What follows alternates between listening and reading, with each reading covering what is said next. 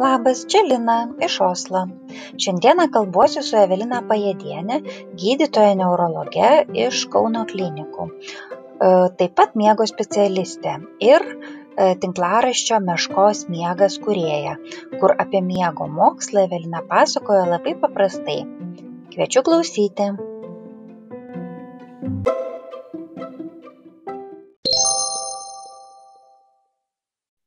Sveiki, Evelina. Sveiki, Lina. Jūs esat vienas iš mano pašnekovų, su ilgiausiai reikėjo palaukti paties e, mūsų įrašo. Tai labai užsijėmusi, suprantu, ir, ir labai iš tikrųjų vertinu tai, kad skiriat laiko man. Tai ačiū Jums. Man irgi malonumas, bet tikrai, tikrai to užimtumo yra ir, ir tų interesantų, kurie apie tą miegą nori išgirsti irgi nemažai. Tai reikia pradėti jų dėliotis. Taip tai aš suprantu iš to kad apie miegą šiuo metu ir išgirsti ir pakalbėti ir nori ir domisi labai daug žmonių. Ar tai yra susiję su su kuo tai yra iš tikrųjų susiję? Kokie nors tyrimai revoliuciniai buvo atlikti? Ar ar kodėl dabar tai staiga pasidarė taip populiaru? Aš manau, kad tie tyrimai vyko, vyko, vyko ilgą laiką, bet mes kaip ir pradėjom va šnekučiuotis prieš visą pokalbį, labai geras jūsų buvo pastebėjimas, kad gal tikrai tie mokslininkai išlindo iš tų laboratorijų ir pradėjo kalbėti žmonių kalbą. Vienas mm. iš, viena iš tendencijų iš tiesų yra, kad pasidarė populiaru populiarinti mokslą mm. ir, ir kalbėti suprantamą tą kalbą, nes ir, ir patys dirbantis toje srityje specialistai suprato, kad reikia įprasminti, reikia šnekėti, kad vis dėlto tai nėra tik tai uždarose laboratorijose su eksperimentais su, su pelėmis ar dar kažkuo, o kad tai turi tikrai prasme žmonijai ir net ir su paprastom metodikom, nelabai sudėtingom, galima nemažai pakeisti dalykų į gerą ir perspėti tas sveikatos problemas. Tai turbūt viena iš priežasčių yra šita.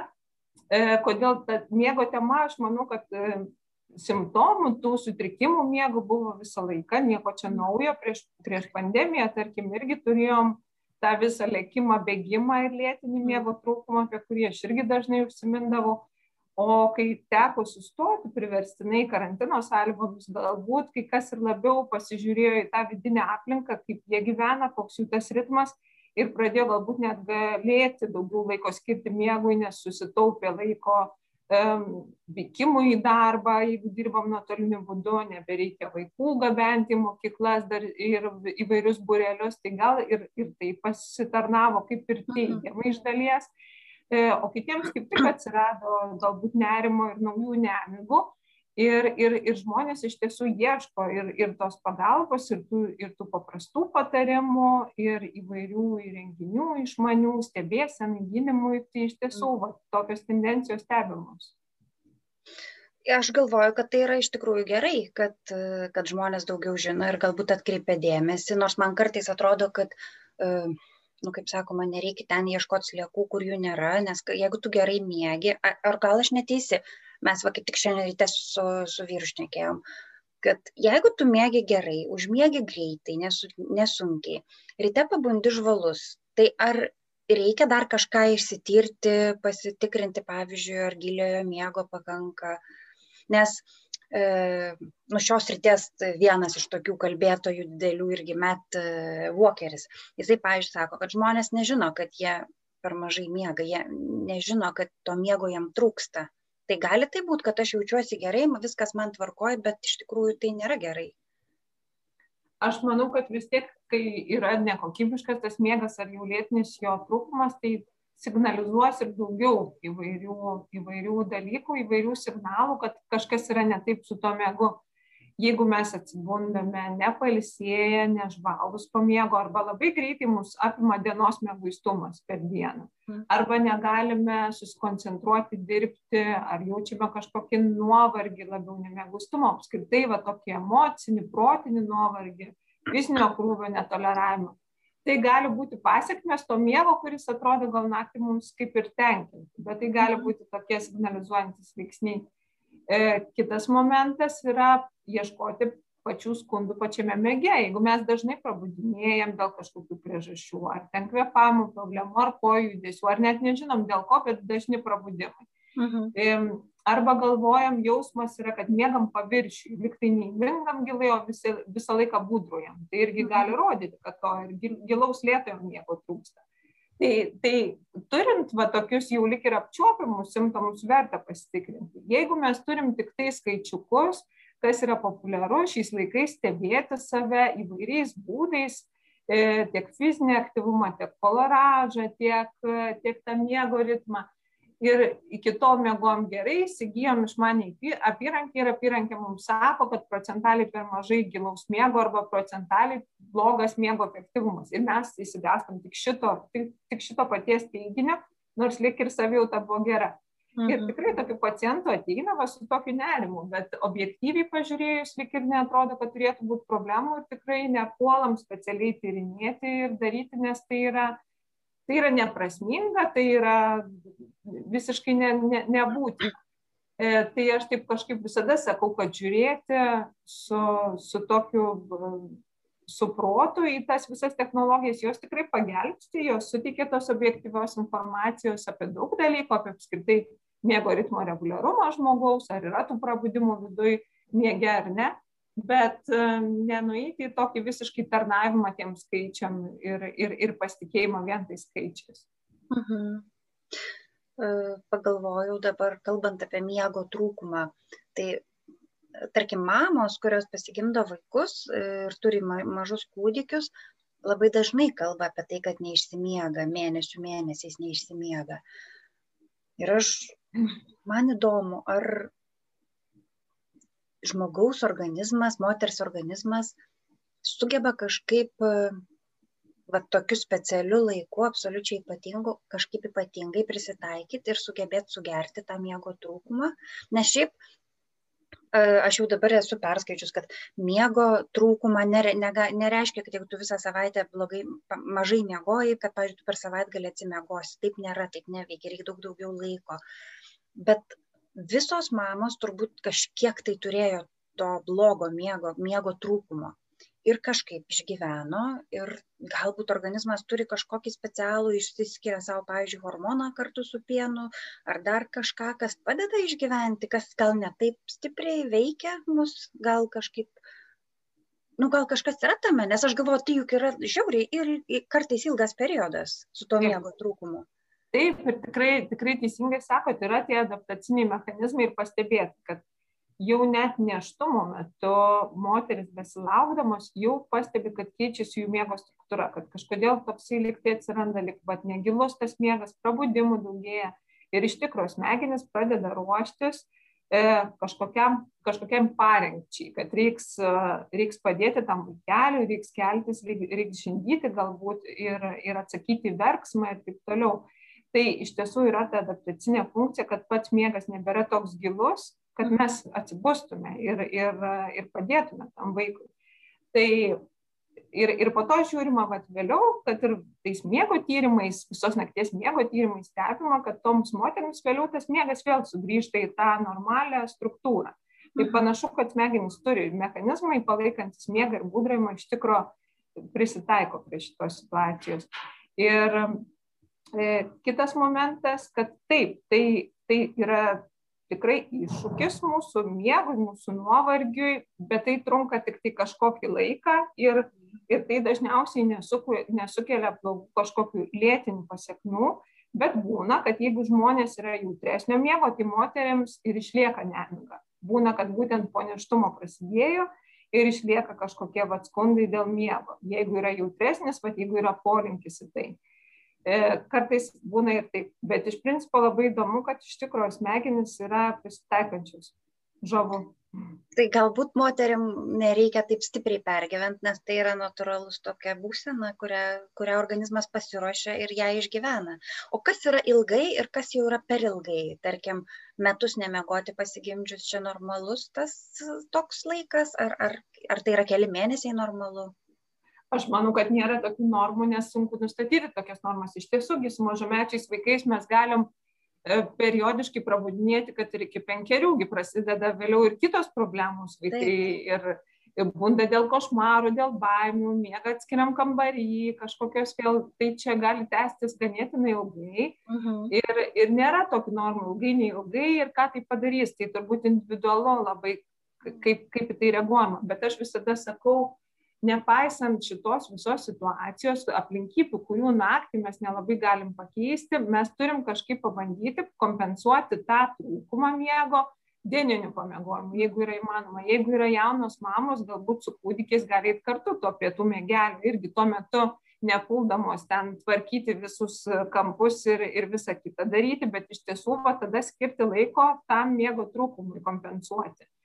Ir tai jau padeda surinkti šiek tiek to, ko mums trūko, trūksta per naktį. Tai turbūt būtų vienas iš variantų. Kad, o, o vėliau su augančiais vaikais vis tiek palaikyti tą šeimos tokį reguliarumą, reguliarų tą miego ritmą, kad turėtų visa šeima tokį įprotį, kad e, vakarinė ta e, dalis yra jau tokia ramesnė, kad mes ten nedarom kažko aktyvaus, neleidžiam laiko prie ekranų prieš pat miegą, neprivalgom saldumynų ir susikūrėme ritualai visos šeimos, kurie padėtų tada mhm. nurimti, vaikams vienokie, ten lopšinė pasaka, suaugusiems gal ten meditacija ir knyga, bet vis tiek kažkokie ritualai, kurie nuvestų mus į atsipalaidavimą ir tą miegą tai va tai toks bendras darbas bet kartu galima ir stabilizuot tą situaciją mhm. Tikrai, tikrai, žodžiu, ir, yra dalykų, kur galima padaryti, bet aš dabar galvoju apie tuos mūsų ritualus. Šiaip jau visų, manau, kad mūsų kartos ir vyresnės kartos buvo ritualas, ten koks nors labanaktukas, arba čia Norvegijoje Fantorangenas ir panašiai. Mhm. Tai yra tie filmukai vaikams, kuriuos jie pasižiūri prieš miegą ir tada jau eina miegot. Tai akivaizdu, kad jie prisižiūri tos mėlynos šviesos, kuris, sakoma, stimuliuoja ir prieš naktį jau yra blogai. Tai kitaip tariant, tas mūsų toks turėtas ritualas, jis nelabai geras, iš tikrųjų, jį reikėtų keisti. Ta filmuką tada anksčiau pažiūrėti. Jeigu yra įmanoma, tikrai būtų gerai, nes taip, taip ir patariama, kad nu bent valanda iki jų miego nebebūtų tų ekranų. Tai tada tikrai, jeigu, jeigu, jeigu va, toks va, raminantis kažkoks ritualas, jisai gali būti ankstyvesnis, nes jeigu bus prieš mhm. pat miegą, mes tikrai susidursim su problema, kad bus sunkiau tos vaikus nuvaryti miegoti, nes jie vis dar bus susiaktyvinę tiek dėl to šviesos, tiek bendrai, kad jie neturi kažkokio tokio nusiraminimo. Mhm. Nes ir tie, vėlgi, ten tas labanaktukas dar toksai teigiamas tas siužetas, bet turbūt dabar vaikai renkasi tokius aktyvesnius filmukus, kurie pagal turinį labiau aktyvina negu ramina. Mhm. Tai, tai vien dėl to nu, vis tiek yra, yra toks noras, ypač jeigu turime dirglų vaiką, kurį sunkiai galime užmigdyti, tai tikrai bandyti vengti to ekranų ir rinktis e, alternatyvas, geriau skaityti, dainuoti, klausyti. O tada kalbant, pavyzdžiui, apie pasaką prieš miegą, jeigu mes e, pasiekam pasaką, tai aš suprantu, kad tai yra gerai. Jeigu mes galbūt paleidžiam, tarkim, pasaką, nežinau, iš e, įrašo, tai irgi nėra jokio mėlyno to žydros spinduliavimo, ar ne? Tik tai gal kontakto nebelieka. Taip, šitą ir norėjau sakyti. Taip, kad, kad čia turbūt daug momentų ir psichologinių tų nuraminimo aspektų, nes tai yra ir formavimas ryšio su tėvais. Tai, taip, taip. tai su audio mes tada ne, ne, ne, kaip ir prarandam šitą, šitą aspektą. Nors šviesos nėra nei viename, nei kitame. Tai vis tiek geriau negu ekranas. Mm. Aš tiesiog kartais girdžiu mama sakant, kad, pavyzdžiui, vaikui labai patinka, kai jam paleidžia kažkokias dainelės, kurias jisai mėgsta. Tai aš manau, tai neturėtų galbūt blogai, jeigu jisai paklauso to, kas jam patinka ir, ir iš įrašo, nes turbūt Taip. ne kiekviena mama visas gali atlikti dainas, kurias vaikui Taip, patinka. Žinoma. O paskui galima jau prisėsti ir su tą pasaką, bet kitaip tariant, čia jau mes ne, nebedarom tos žalos, kurias, tarkim, darytų televizorius arba ekranas. Taip, taip, mhm. ir neaktyvinam niekaip per daug. Vis tiek tai ir, ir tai yra turbūt, ką vaikai labai mėgsta. Ir dažnai pastebim, kad jie prašo tą pačią pasaką skaityti, kuri jau ten įgrisus iki kaulo, bet tai yra jam, tam vaikui saugumo jausmas, kad mhm. tie patys dalykai kartuojasi, jisai žino, kad bus, kas bus toje istorijoje, jisai gali pats įsiterpti, pabaigti ir jam tas patinka, jisai mhm. jaučiasi saugiai, jisai kontroliuoja situaciją tai irgi čia manau kad svarbu turėti panašius tuos ritualus kad jau mhm. žinotų ir susidarytų tas refleksas ir pačiam vaikui kad vat aš žinau kad po šito ir šito bus miego laikas mhm. E, dar vienas iš tokių ritualų, kur dažnai tėvai sako, kad labai gerai padeda, tai jeigu vaikus išmaudai, jie pabūna, žodžiu, vandenį, tai irgi nuramina ir gerai veikia. Tai mažiem vaikam, iš mano bent jau patirties, tai tikrai gerai labai veikia vonia. Įkišti juos į vonę ir jie ten išmirksta, paskui labai gerai tiesiai į lovą. Bet aš žinau, kad su kūdikiais yra ne visai taip. Ir karšta, pavyzdžiui, vonia, nu karšta, tai nu, šilta, tarkim, labai šilta mhm. vonia, jinai veikia kažkaip truputį kitaip ir ją, jeigu, jeigu mes kūdikį išmaudysim, jis kažkodėl skirtingai negu suaugęs žmogus nenusiramins, o gali kaip tik aktyvuotis. Va šito tai aš nesuprantu, čia kaip tai pasidaro, kad tas vaikas nenusiramina vonioj. Gal gali būti, kad um, irgi tokia tik prielaida darau, nelabai gal įsigilinusi tą, bet um, kad yra truputį kitokia ta temperatūros reguliacija, savireguliacija. Ir, mhm. ir jeigu tai yra visiškai mažas kūdikis, jisai dar apskritai sunkiai reguliuoja daug savo procesų, tiek ten, tarkim, kad ir tą patį miego būdrumo ritmą nesupranta, kaip čia kas, kada čia šviesu, kada čia tamsu, tiek kaip ir temperatūros suvokimo. Jeigu tai yra kažkoks greitas pasikeitimas, galbūt jam tada jis bando save atvėsinti, tada yra stresas iš to, kad reikia vis dėlto atvėsinti ir, ir gal iš to kyla. Bet aš taip galvočiau, labai svarbus dar aspektas, apie kurį kartais nepagalvoja tėvai, e, kad vonia, vonia vieta, kurioje maudo, kad ji nebūtų labai ryškiai apšviesta. Nes mes lygiai ir bandom raminti su vandeniu, bet jeigu mūsų dažniausiai vis tiek e, vonėje būna ryškios šviesos, nu, kad mes galėtume nusiprausti, ten pasidažyti, dar kažką, tai dažniausiai būna geras apšvietimas. Mhm. O mes tai darome prieš miegą. O prieš miegą yra tokia vis tiek rekomendacija kad mes laikytume blausų apšvietimą vos vos o ten miegamo aplinkoj išvis ten geriausia išvis jokio. Jeigu vaikui vis tiek baisu kažkokia blau blausi lempelė raudonos oranžinės va tos šiltos šviesos tai vat kažkaip reiktų ir maudytis su ta va tokia ar tai kažkokiom žvakelėm kažkokia va tokia raminančia aplinka nes mm. taip gali būt kad lyg ir atpalaiduoja bet uh, akys stačios nes labai ryški šviesa tai tą reikia irgi turėt momentą Aha, tikrai apie tai niekad nepagalvojau, bet juk vonė būna labai ryški, gal jinai ir nemelina ta šviesa, bet jinai tikrai ryški ir intensyvi. Mm. Aha, e, dar tada man įdomu būtų apie pakalbėsim e, turbūt ir papasakosit plačiau apie tuos miego ciklus ir tas dabar jau tai žinomas tas miego stadijas, bet kūdikiai žinau, kad tų stadijų tokių kaip mes suaugę neturi. Tai kaip, kaip jie tada, su koks yra jų tas ciklas? Jie pabunda Ah, aš nepaminėjau, kad jūs turite tinklapį Meškos miegas, aš jūs taip ir radau, tiesą pasakius, kai mhm. ruošiamės mūsų tokia transliacija ir ten kalba buvo apie vaikų mygdymą. Ir aš radau tam jūsų tinkla, tinklapį gerą straipsnį ir man ten patiko apie vaikų mygdymą, daug informacijos. Ir ten buvo parašta, kad kūdikiai neturi to paties ritmo, jie ne, ne taip e, reaguoja į miegą. Ta diena ir naktis jam ne, ne taip pat, ir mes tą tikrai galim ir pasakyti, ar ne? Bet ar tai reiškia, kad, kad vaikas pabunda tik tai tam, kad pavalgyti, dėl diskomforto, kitaip tariant, kai jisai būna alkanas arba šlapias, kai jam kažko reikia, jis dėl to pabunda, ar jis vis dėlto pabunda, kaip mes visi pabundam, kadangi jisai išsimiegojo. Tikrai čia svarbu suprasti ir tą, kad skiriasi ta miego struktūra, nes um, tos jau tos normalios miego stadijos, kurios būdingos suaugusiam žmogui, pradeda formuotis tik tai maždaug virš metų laiko. Jau kažką matom jau tikrai panašaus į suaugusių, bet ir tai dar pagal amžių labai skiriasi. Mhm. Ir kai yra visiškai naujagimiai kūdikiai, tai jie turi daugiau tokį, tik tai išskiriam kaip tokius du tipus, liktai toks lėtesnis kažkoks miegas, panašus į tą mūsų e, būdingą lėtai miegą. Ir toks kažkoks greitesnis, kuris yra tas sapnų miegas.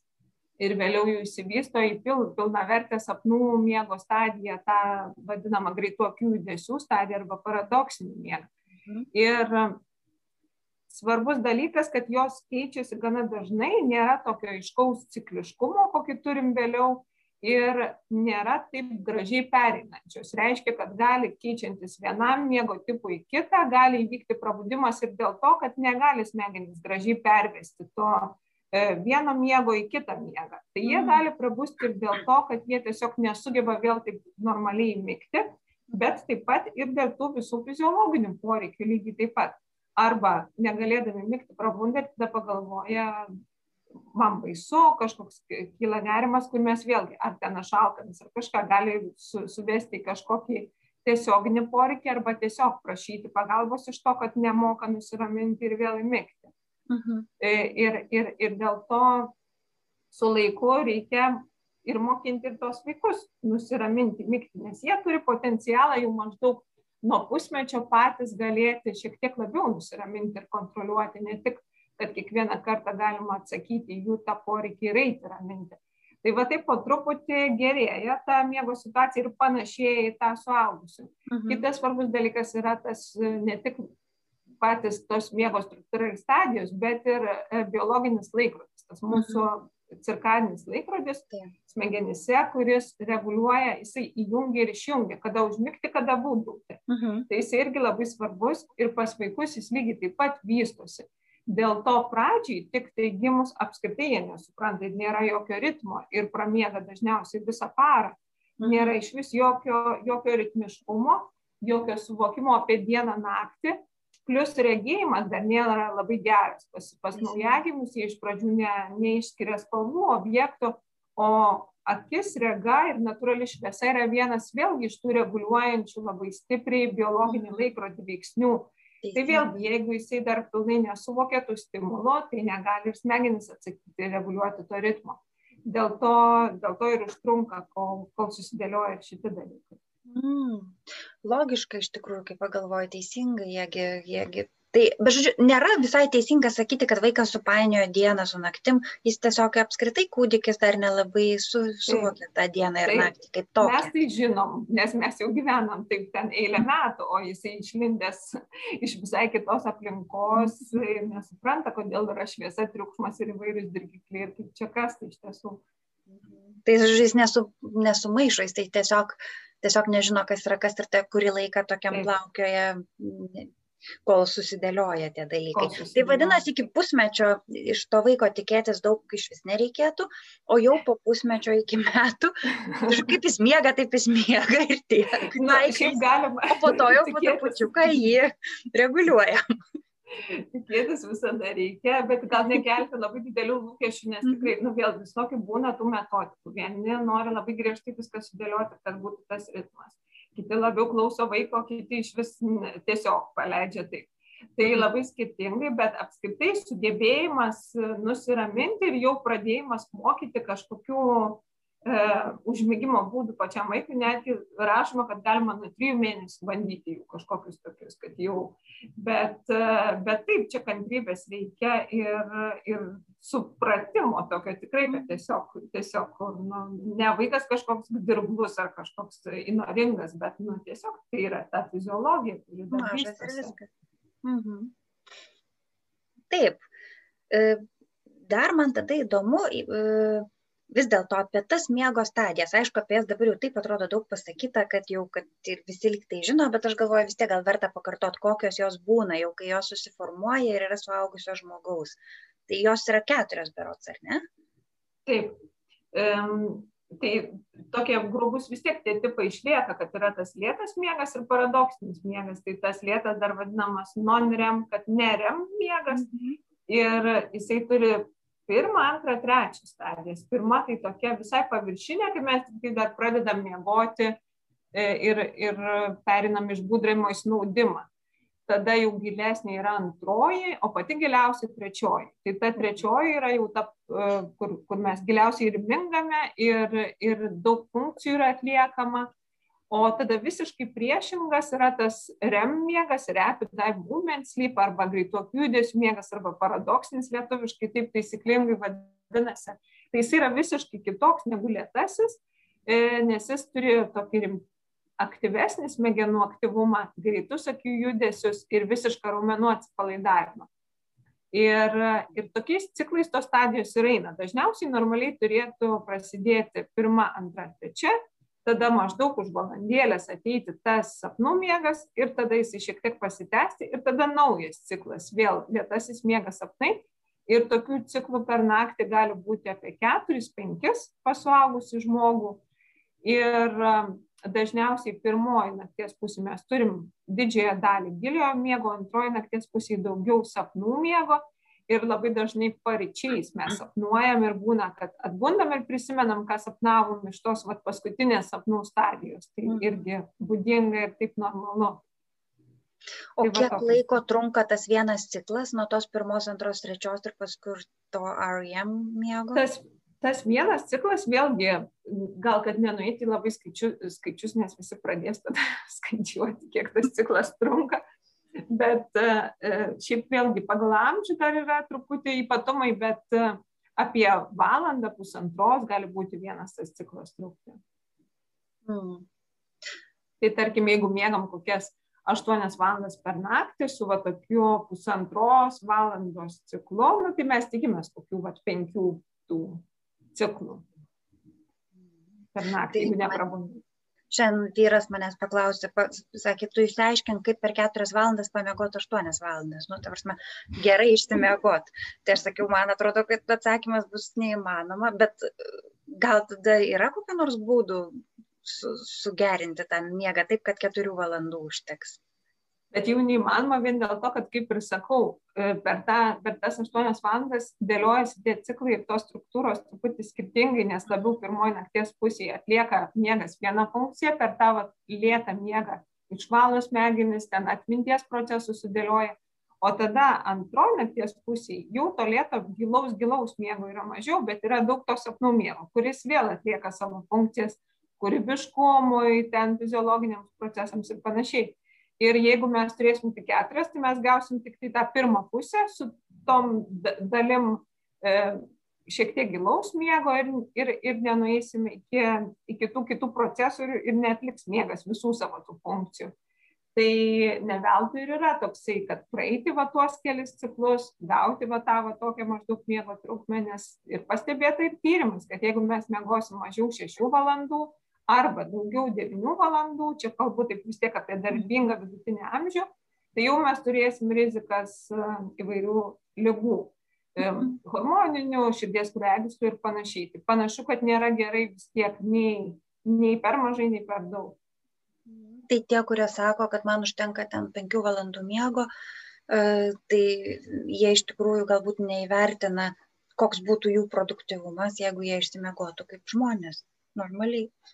Galbūt taip, tik tai irgi yra tokia išimtis iš taisyklės, apie galvojama, kad, nu, bet labai retai, apie 1,5 procento populacijos žmonių e, yra vadinami tie trumpamiegiai short sleepers. Ir jie tikrai turi ir genetiškai pakitimus, ir jie turi tikrai va, tą va, trumpą miego poreikį, kurio jam pakanka, ir jie gerai funkcionuoja, ir jie nesusirga jokiom lygom gyvenime. Ir tai gali būti tik 5 valandos bet kai tai sako kas antras, tai aš negalvoju, kad jie įeina į šitą procentą tos, tos retos genetiškai, genetiškai e, paveldimos miego, miego, miego to tipo. Tai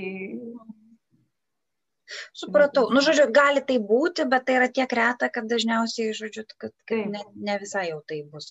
Tai reikės tiesiog duoti savo išsimegoti ilgiau ir pasižiūrėti, kiek tada tu geriau funkcionuoji, gal daugiau padarai. Ir, pažiūrėjau, ten aš kažkokį skaičiau apie tai, kad yra tyrimas padarytas, kad tie, kurie sako, kad man miego užtenka, kai jiem duoda išsimegoti netgi vieną valandą ilgiau, ne šešias, o septynes, jau jie analitinius įvairius uždavinius sprendžia daug geriau.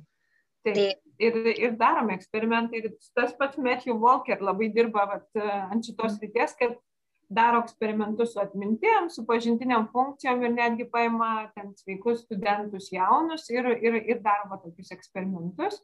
E, sukuria miego trūkumą, ten naktį su tik tai keturiom valandom miego ir liepia spręsti užduotis ir taip pat su normaliu miegu lygina tas grupės. Ir iš tiesų išmokimui, informacijos sudėliojimui visada yra geriau, geriau užmiegoti, negu, kaip sakom, e, mokytis per naktį prieš tą egzaminą. Tai yra naudingiau geriau neaukoti tos nakties, o miegoti ir tą informaciją, kurią turi sustiprinti ir sudėlioti, negu, negu bandyti tą mhm. miego sąskaitą tą padaryti. Tai tikrai taip. Mhm. O kodėl yra blogai ir per ilgai miegoti? Kuo tai? Trūk? Irgi pastebėta, kad e, jau jeigu mes išmiegam tą tinkamą laiką, mūsų biologinis laikrodis išsijungia ir sako, dabar jau reikia būdų. Tai reiškia, nebesigamina užmigimo hormonas melatoninas, o jį pakeičia, e, paryčiais pakeičia kortizolis. Kortizolis kaip streso hormonas. Na, aišku, dar yra kitų medžiagų, bet du pagrindiniai. Ir jie va taip priešingai veikia. Mm. Ir, ir jeigu mes jau turim rytą, jau, jau kažkur 8 val. ryto, jau viskas, laikas kortizoliui kilti ir laikas mums kilti ir pasiruošti darbingumui.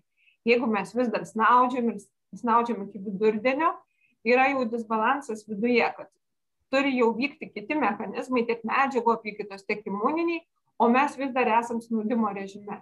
Ir tada kyla e, disbalansas tarp įvairių sistemų ir pradeda kilti rizika kraujospūdžių ir kitų mm. lygų. Tai va taip ir išeina, kad e, tiek stresas organizmui gaunasi iš to, kad nepakankamai miegam, tiek, kad tada, kai jau turėtume būdrauti ir visai kitaip gyventi, mes vis dar miegam. Ir taip yra todėl, kad jūs paminėjot, pažiūrėjau, 8 valandą, tai todėl, kad jau yra šviesu, aplinkų šviesa, organizmas gauna signalą keltis, būsti. Taip. Tai yra su tuo susiję. O jeigu tu užsitraukęs visas užuolaidas ir yra tamsu, ir tarkim, mėgi ten iki kokios nors 12 valandos. Vis tiek pastebėta, kad net e, padaryti tokie tyrimai, kaip atrastas tas cirkadinis ritmas, kad net ir ten prabuvęs žmogus urbe be jokios be jokio šviesos dirgiklio, vis tiek jisai turi tą ritmą ir jisai miega, kada būtų ta naktis ir keliasi, kada yra diena, nors jis nemato, kokia, kokia yra e, aplinkos e, šviesa. Tai mm. Tai atrodo, kad ir viduje vis tiek laikrodis turi veikti taip, kaip priklauso, net jeigu mes ir nematom to šviesos stimulo. Mm. Bet taip, šalia šitie stimulai irgi veikia. Jie, jie vis tiek pasakys, kad mes dabar turim keltis. Bet ir, ir be to ir be to melatoninas jau turėtų baigti savo gamybą ir, ir prasidėti kiti procesai. Mhm. Suprantama, iš tikrųjų. Taip, nes melatoninasgi tą, tą galima suprasti. O kaip yra tada su pelėdom, jos tokios biškip nusireguliavę į, į rytą? Taip. Bet tai yra normalu, tikrai niekas nenuneigia, kad regis, e, e, tikrai egzistuoja tie chronotipai vadinami pelėdos ir vyturio ir tie žmonės yra jie tyrinėti jiems ten darytas ir melatonino paros profilis iš kraujo imama keliais taškais melatonino koncentracija ir matosi kad jie turi truputį vėlyvą. Tą pavyzdžiui melatonino ritmą palyginus su tuo kuriem kuriem yra gerai miegoti tom įprastom socialinėm normom dažniausiom kokiom reikalaujam. Ir taip pat ir genetiškai žiūrint jie irgi turi truputį kitokią ten tą genų raišką ir panašiai tai panašu kad tų tipų nuneigti nereikėtų bet dažniausiai tos pelėdos kenčia nes gyvenimo sąlygos e, nuo pradedant nuo mokslų baigiant darbu dažniausiai turi tą ankstyvą režimą ir taip o ne kitaip. Jeigu tiems žmonėms pavyksta rasti tokias darbines sąlygas ir taip susidėlioti pagal savo ritmą jie būna labai efektyvūs ir puikiai funkcionuoja.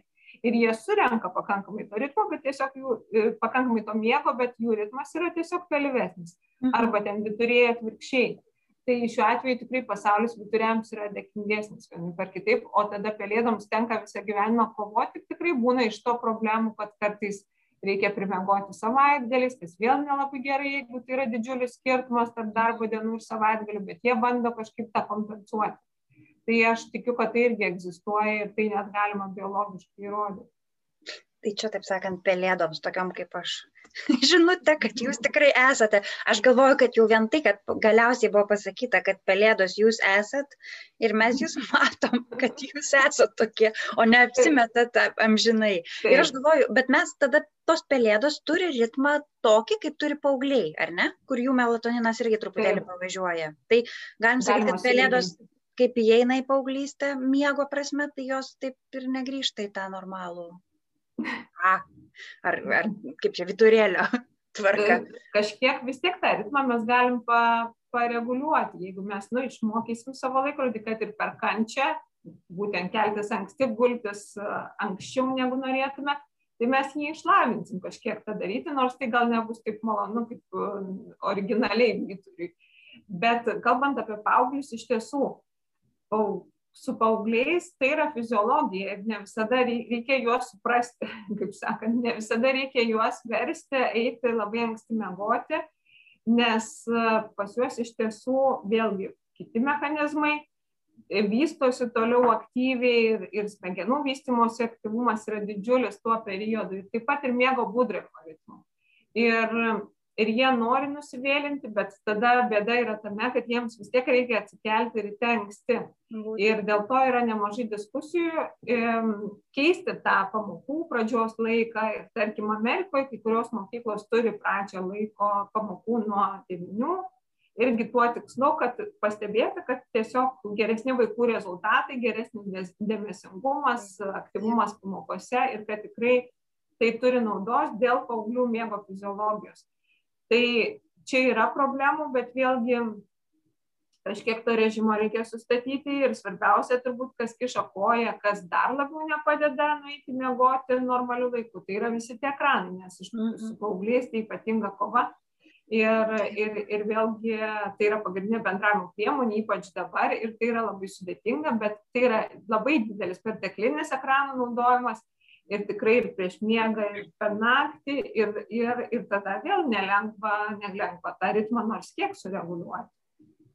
Tai mažų mažiausiai, ką reiktų padaryti, tai bent jau tuos visus ekranus užsidėti tuos filtrus vakare, ar, ar jie kažkaip, bent mobilus turi ir man atrodo, Taip. kad, o kompiuterį aš nebandžiau, tarp kitko, bet jis irgi gali įsijungti, kai Taip. jau yra naktinis režimas ir jis tada yra truputį švelnesnis. Taip, tai bent jau šiek tiek problemos e, sumažins, nes iš tiesų aš irgi visada tą patariu.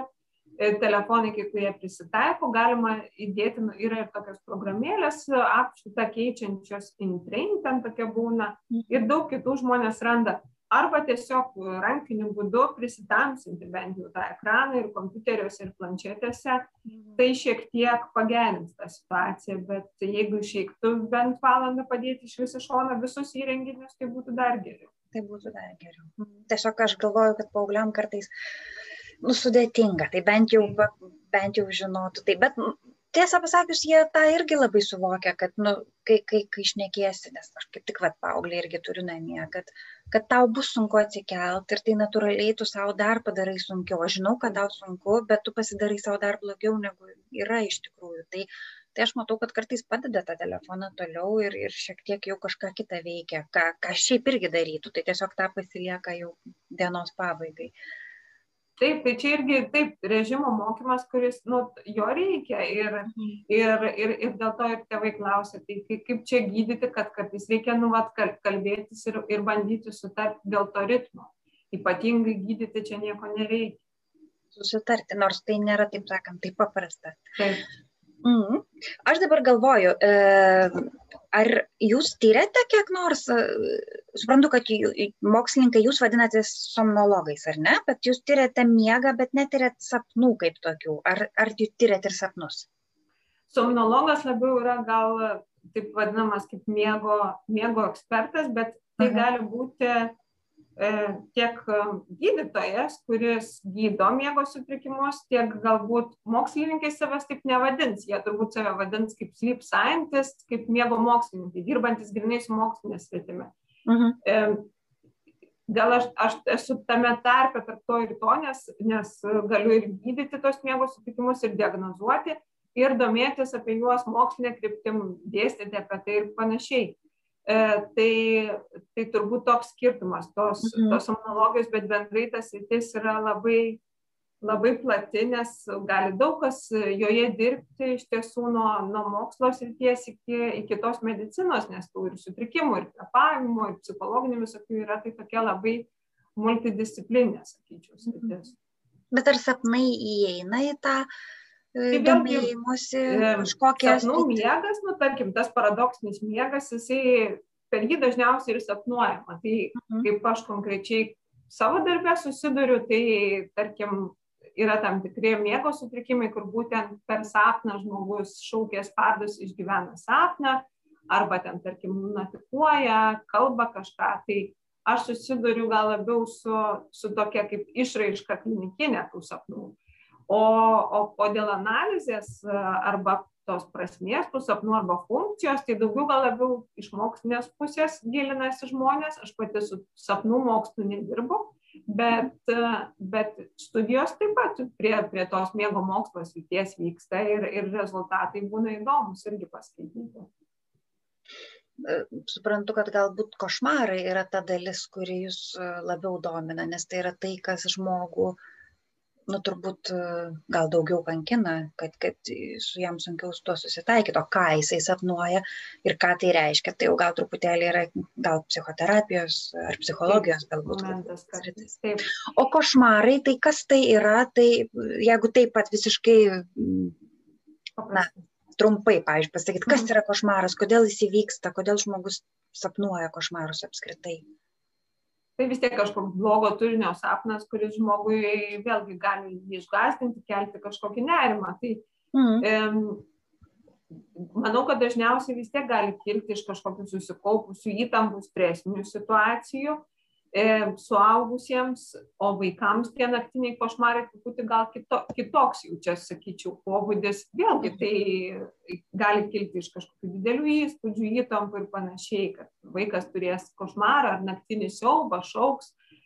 E, tai, bet tai ir skaitoma kaip ir prie tų parasomnių, tokių miego elgesio sutrikimo grupiai priklausančių e, e, sindromų. Bet e, aš taip gal taip pakomentuočiau, jeigu trumpai, o po to vėlgi gilintis, jeigu į suaugusių košmarus, jeigu tai iš tiesų varina, tai turbūt tai labiau gal tikrai psichologinė sritis ir, ir nukreipiam, tarkim, psichoterapiją arba mm. ieškojimui stresą keliančių situacijų.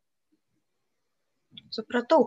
O kai būna vaikų košmarai, jie yra atskiriami nuo vaikų tų vadinamų siaubų, ar aš nežinau, kaip lietuviškai reikia sakyti, bet tie night terrors. Ten, Taip tai yra tai, ką, kur vaikas net neatsimena ryte. Tai jie pagal savo, kaip, nu, kaip čia pasakyti, kokybę, tai yra kas kita, ar ne? Tai jie kažkokią kitokią funkciją atlieka. Jie truputį kitokie, nes vaikas dažniausiai ir nepapasakos, kad jis būtinai ką nors sapnavo, bet e, tai yra nesugebėjimas pilnai atsipalaiduoti tam tikrojo miego stadijoje ir iš to vat, kyla vat, tas šaukimas ir vis tiek vaikas yra sunkiai prižadinamas, nes tai vyksta miego metu. Mhm. Tik tai labiau gal tai kelia nerima patiem tėvam, negu pačiam vaikui. Jisai kaip ir jam papasakoja ryte, kad tai buvo, jisai nei prisimena, nei galvoja, kad yra blogai išsimegojęs. Jeigu jie yra labai dažni, galbūt tai kažkiek trikdo ir pačią miego kokybę ir tada reikia galvoti, ieškoti priežasčių, kodėl kyla mhm. ir, ir, ir tų pagalbos priemonių. Tai, bet tai yra kaip, kaip parasomnija, vadinasi, tai priklauso tai pačiai grupiai. Ir naktinis vaikščiojimas, kalbėjimas nakties metu ir panašus. Lunatikavimas. Lunatikavimas. Bet ar tai yra, jeigu mažas vaikas e, turi tuos naktinius siaubus, ar tai reiškia, kad jisai galbūt turi ir tą somnambulizmo ar lunatikavimo jau problemą, kuri išsivystys, ar tai yra, gali būti nesusiję dalykai? Gali, gali būti tik vienas iš tų tipų, gali būti keli, bet reikia svarbiausia negalvoti, kad tai yra kažkokia rimta lyga, tai yra tiesiog požymis, kad smegenys irgi aktyviai vystosi ir dar nemoka taip gerai pereiti iš vienos miego stadijos į kitą. Ir mm. galbūt, jeigu tai yra jautresnis vaikas, tai yra reakcija į tuos stresus tokia, vat, mm. būtent tokia.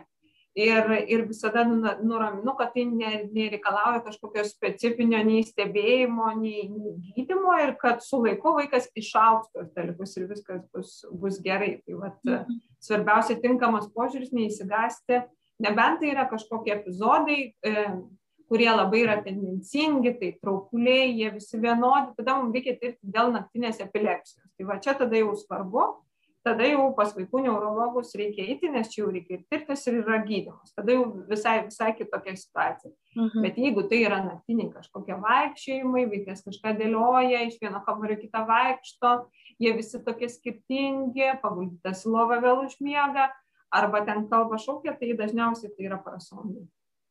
Mhm. Aišku, žodžiu, jo tiesiog nereikia taip labai išsigasti tėvams. Mhm. Dar aš turiu tokių klausimų iš draugų. E, ar tikrai vaikai mėgodami auga? Ar jie auga ir dieną?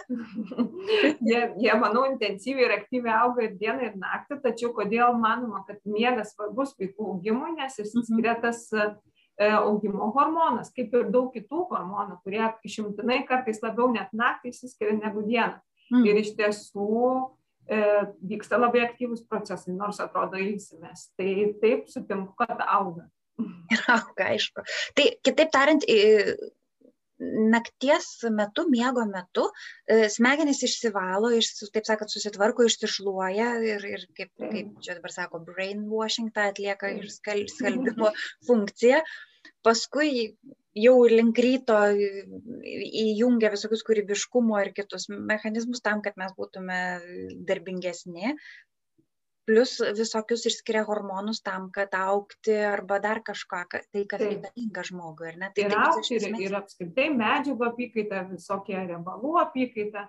Ir dar vienas momentas, jau visos funkcijos išvardinamo, dar vienas yra imuninis atsakas, kuris dabar labai aktualus prie, mm. prie COVID, bet irgi jeigu mes turėsim miego trūkumą, tai miegas netliks savo imuninės stiprinimo funkcijos, nes tam tikros imuninės lastelės būtent gaminasi naktį arba turi skirtingą ritmą, cirkadinį ritmą dieną ir naktį.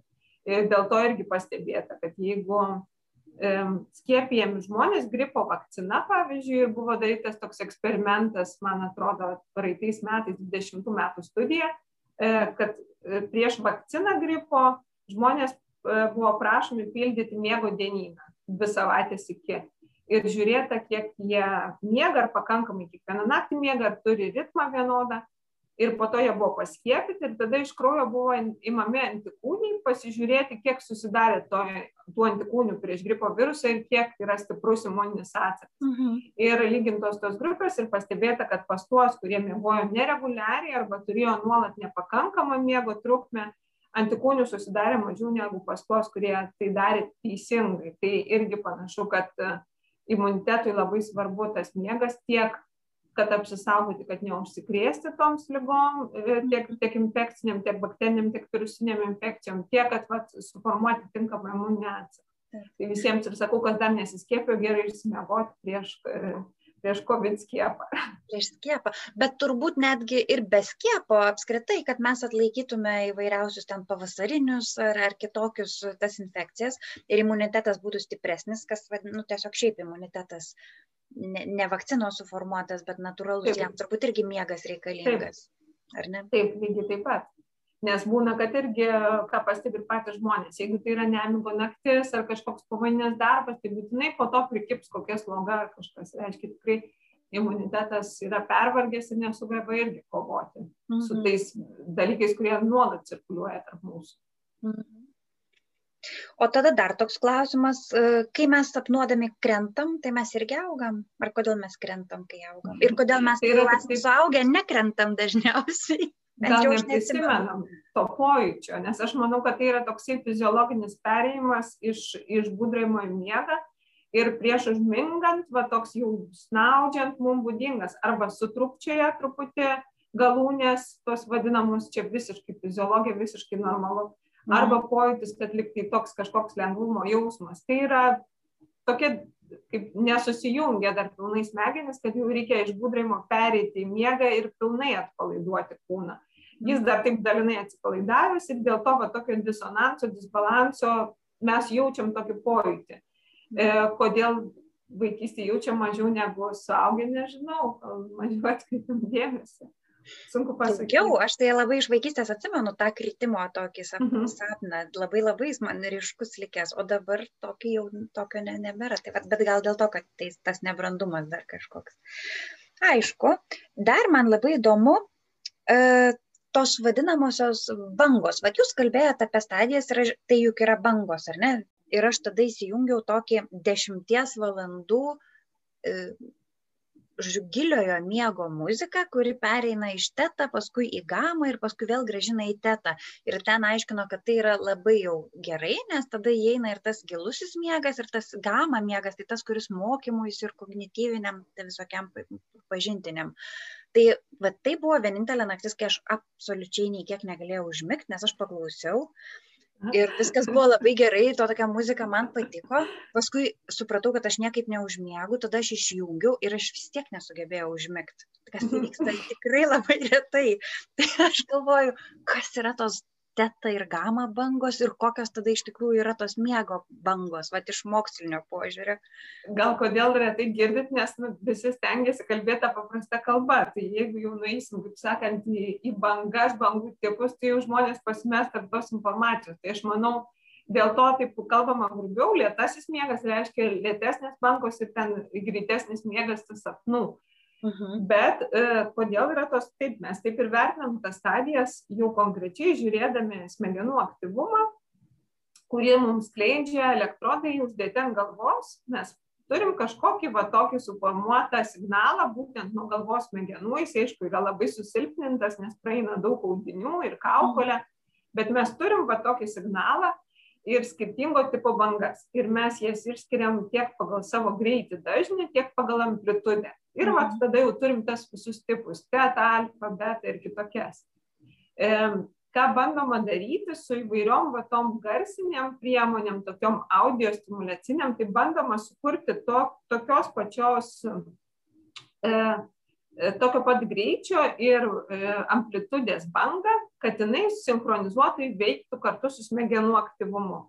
Ir bandoma vat, paleisti tą signalą, kad e, būtų daug išoriškai tokių vat, bangų ir liktai turėtų daugiau gamintis ir stimuliuoti, ypač tų lietų bangų, nes yra ir tokios lėto miego ausinės, kur būtent pats padidina tų lietų bangų kiekį ir pagerina atminties procesus ir išsivalo tos smegenys labiau ir panašiai tai dažniausiai tos tarkim vat lėtos bangos jos net neturi garsinio signalo. Tai nėra muzika tai yra tiktai tokia vibracija nedidelis šiurenimas kurio net neturėtų girdėtis.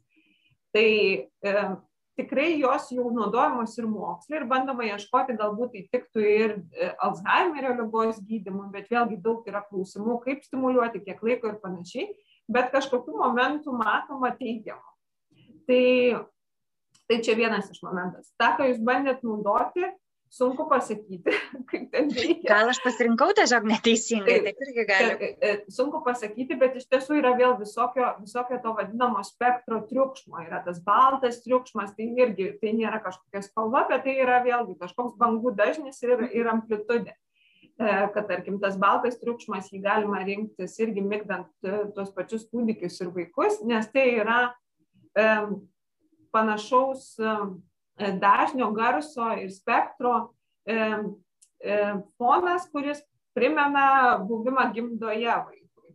Nes ten vėlgi labai daug yra triukšmo, nes skysčiai visokie, mamos visų organų veikla, tai va tas irgi vadinamas baltasis triukšmas, prie kurio tas vaisius yra pripratęs, kad jis yra tokioje aplinkoje ir dabar išeina į lauką visai kitokius garsus tai vat tą baltą triukšmą galima kaip pavyzdį pasakyti indaplovės garsas pavyzdžiui yra irgi kaip baltas triukšmas nes yra netgi įrašų vat migdymui skirtų dvi valandos indaplovės veikimo garso indaplovė pavyzdžiui arba e, toksai arbatinuko garsas kai jisai būna toks prieš užvirimą ne visai bet, bet prieš toks burbuliavimas. Mhm. ir apskritai vandens daug tokių garsų yra primena tą Taip. baltą triukšmą. Tai va, tai yra baltas, yra tas pilnas. Bet tas baltas, tai čia kuri stadija ir čia kuri ta alfa, gama ar ką, ką čia, kas čia yra? Ten labiau aš manau, kad yra garsinių signalų paremta, negu labai orientuojasi į pačias tas bangas.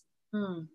Tai labiau gal paremta yra to garsinių signalų, kad priminti tą aplinką, kurioje, kurioje vaikas buvo bet jeigu tai yra labiau stengiamasi atkartoti panašią amplitudę ir dažnį tai garso pačio tokio kaip nebus. Tai daugiau bus e, kažkokia stimuliacija panaši kaip sakau kaip tos lėtos bangos. Tai mhm. teta irgi yra lėtos bangos bet pačios rečiausios yra delta bangos kurių daugiausiai tam giliajam miege.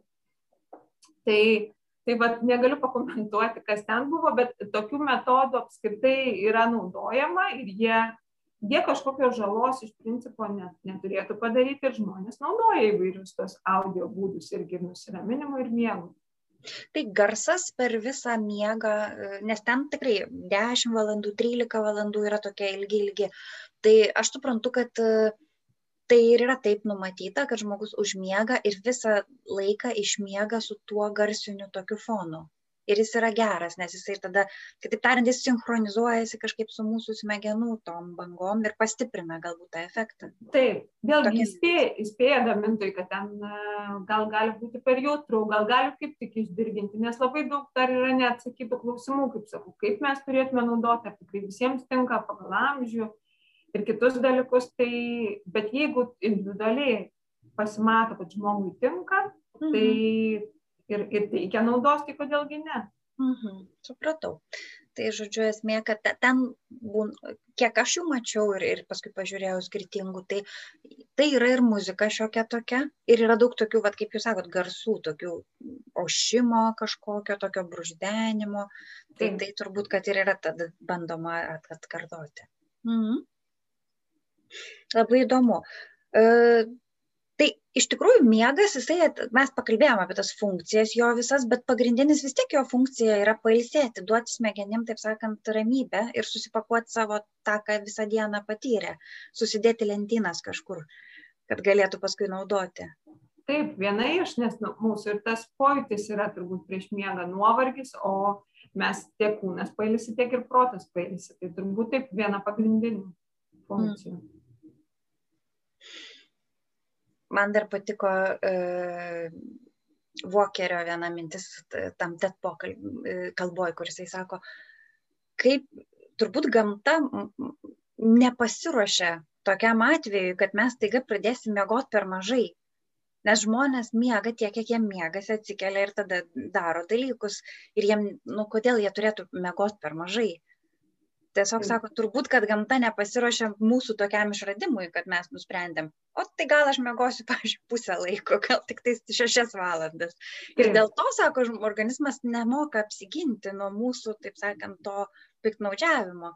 Ir kad miegas yra piliulė sako jeigu tą kažkas parašytų nu praneštų kad aš suradau piliulę kuri padidina tavo seksualinį pajėgumą tad tu spręsi visas užduotis daug kūrybiškiau, daug stipriau, rasi sprendimus, būsi mažiau agresyvus. Tai jeigu tokią piliulę, sako, kas nors įrodytų, kad jinai tikrai veikia ir pardavinėtų, tai jinai kainuotų didelius pinigus ir, ir žmonės turbūt draskytųsi ir sakytų, aš noriu, duok man. Bet kai tai yra miegas, natūrali mūsų gyvenimo dalis, tai visi nekreipia dėmesio, nes jis nieko nekainuoja. Sako, va, jeigu mes pardavinėtume miegą, tai tada, tai tada tai būtų labai tokia brangi prekė, nes jis labai daug padaro ir praktiškai nemokamai visiems.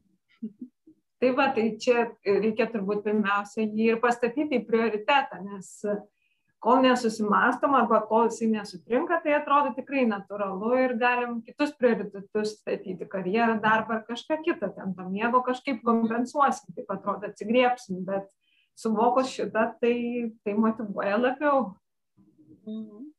Tai nuo to, ko pradėjom, kad apie miegą dabar yra daug kalbos ir, ir, ir sambangos, tai kita vertus, tai turbūt, kad mes labai daug pridarėm klaidų ir, ir save įsivarėm į tam tikrą kampą, su, su mie, taip nekreipimą, visiškai nekreipiam dėmesio ir, ir į savo tos pa, pagrindinius fiziologinius poreikius. Tai, tai turbūt, kad taip natūraliai dėl to ir vyksta, kad jau, jau matosi, kad per daug žmonių miega per blogai. Taip, ir, ir turbūt va, ta pandemija sustabdė truputį tą lėkimą ir aš kažkaip mm. visada akcentuodavau tą lėtinį trūkumą bei labai tą didelį skirtumą, tą vadinamą socialinį jet lag tarp darbo dienų ir savaitgalių, kai mes neprimiegam niekaip per darbo dienas ir bandom atsimegoti per tą savaitgalį, kas vėlgi yra labai kengsminga pačiam biologiniam laikrodžiui. Tai šiek tiek vadarant apklausas dabar žmonių per, per pandemijos laiką, kaip pasikeitė jų miego būdrimo ritmas ir miegas, panašu, kad šiek tiek pagerėjo ta situacija, nes nėra tokio didelio skirtumo tarp darbo dienų ir savaitgalių bei apskritai pailgėjo ta miego trukmė tendencingai šiek tiek. Mhm. Nepaisant to, kad atsirado ten to nerimo kai kam nemigos jau taip tiesiogiai, bet vėlgi kartais gal irgi va tokie momentai galima iš jų pasimokyti, kad, kad, kad dabar tada ir laikas sustoti, atkreipti dėmesį tiek į tą miego dieną, tiek, tiek į tą trukmę ir tą svarbą to miego. Mhm. Tai aš tikiuosi, kad e, ir mes šio pokalbio irgi prisidėjom prie to paties, kad galbūt daugiau žmonių e, nesijaudins, kai nereikia jaudintis ir atkreips dėmesį ten, kur jie gali padaryti geriau ir savo, ir savo vaikams, e, ir kad tas jų polisis iš tikrųjų būtų kokybiškas, o tada ir dienos kokybiškos. Tai. Ačiū Jums labai už skirtą laiką, buvo labai įdomu. Ačiū labai, kad pakvietėt ir linkėjimai visiems gero miego. Ačiū labai. you